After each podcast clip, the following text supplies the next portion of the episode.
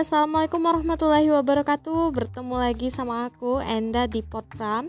Kali ini kita ngebahas tentang narkoba. Gimana sih narkoba itu? Dan kalau orang yang udah terjebak dengan narkoba, tips-tipsnya bagaimana kita langsung aja.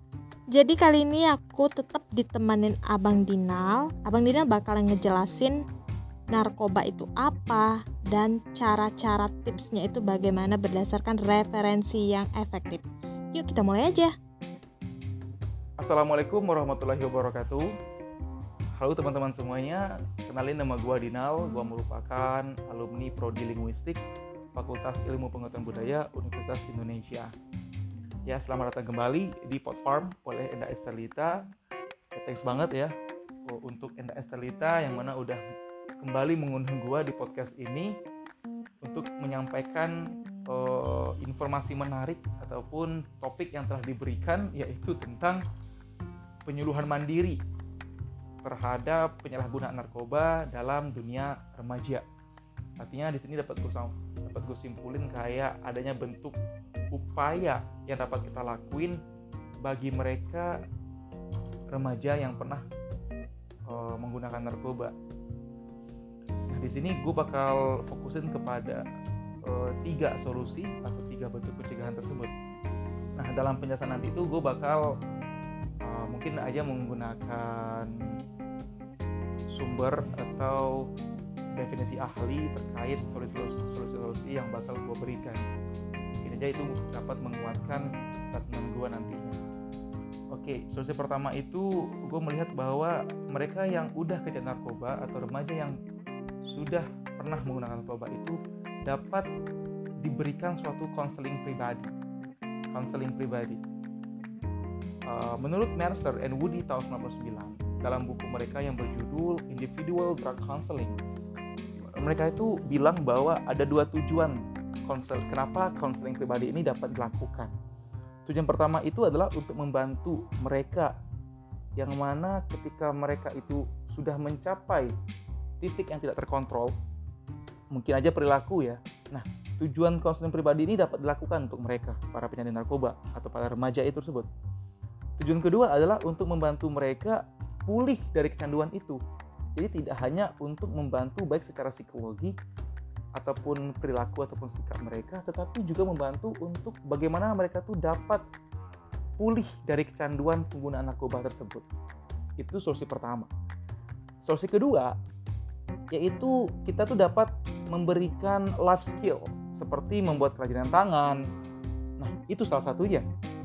Karena pada tahun 99, menurut Purwatika, dia tuh ngatain bahwa suatu produk kerajinan tangan dengan memiliki daya tarik seni tersendiri atau budaya tradisional yang mana membutuhkan teknik dan kreativitas yang tepat.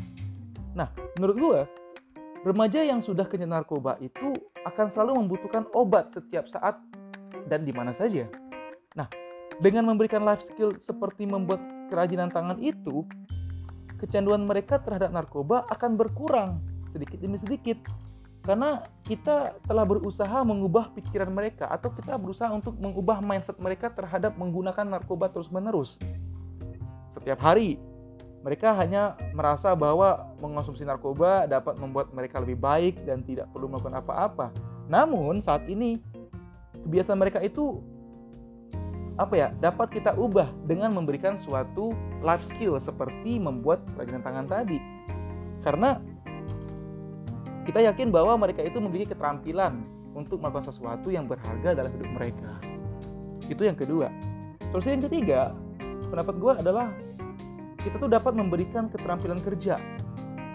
Seperti ya ya mungkin dalam dalam skala kecil dulu kali ya. Apa ya bisa bilang kayak menjadi motivator mungkin? Iya itu menurut gue seperti itu bisa kali ya. Kenapa? Karena remaja yang pernah terlibat narkoba tentunya mengetahui bagaimana dampak yang diberikan oleh penyalahgunaan narkoba tersebut.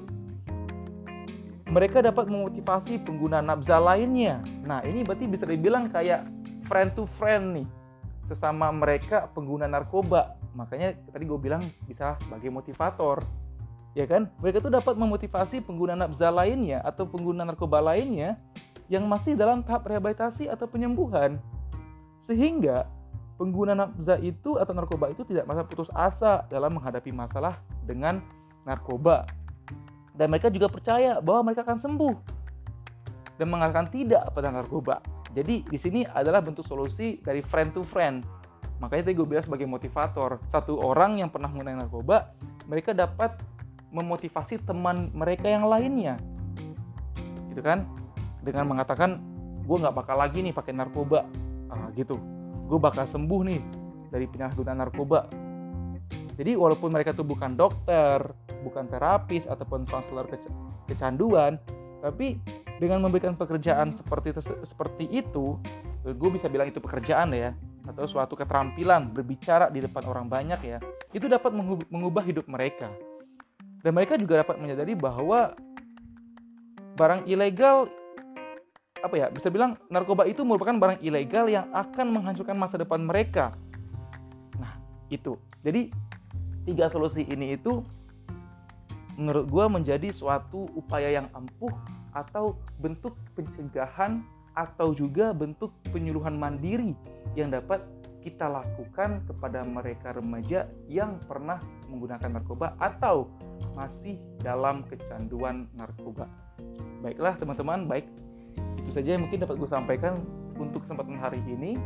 Semoga bermanfaat untuk kita semuanya. Assalamualaikum warahmatullahi wabarakatuh. Nah itu tadi penjelasan dari Bang Dinal. Makasih buat Bang Dinal atas materinya. Sangat bermanfaat banget ya. Jadi aku simpulin sedikit. Jadi narkoba itu adalah singkatan dari narkotika, psikotropika, dan bahan adiktif berbahaya lainnya. Jadi apa saja dampak narkoba bagi remaja? ya dampaknya sangat uh, efektif ya, seperti perubahan sikap, kepribadian, dan perangai. Terus menurunnya kedisiplinan dan nilai-nilai pelajaran, menjadi emosional mudah marah dan mudah tersinggung, malas tidak mempedulikan kesehatan diri, suka mencuri atau berbuat kriminal lainnya. Untuk strategi pencegahan narkoba pada remaja, eh, kita ketahui aktivitas yang dilakukan oleh para remaja Terus uh, perhatikan juga lingkungan tempat beraktivitasnya seperti apa. Terus tetapkan aturan serta konsekuensi. Ketahui teman-temannya. Mengawasi selalu resep obat apa yang dia konsumsi seandainya dia memiliki penyakit ya. Terus beri dukungan kuat dari keluarga.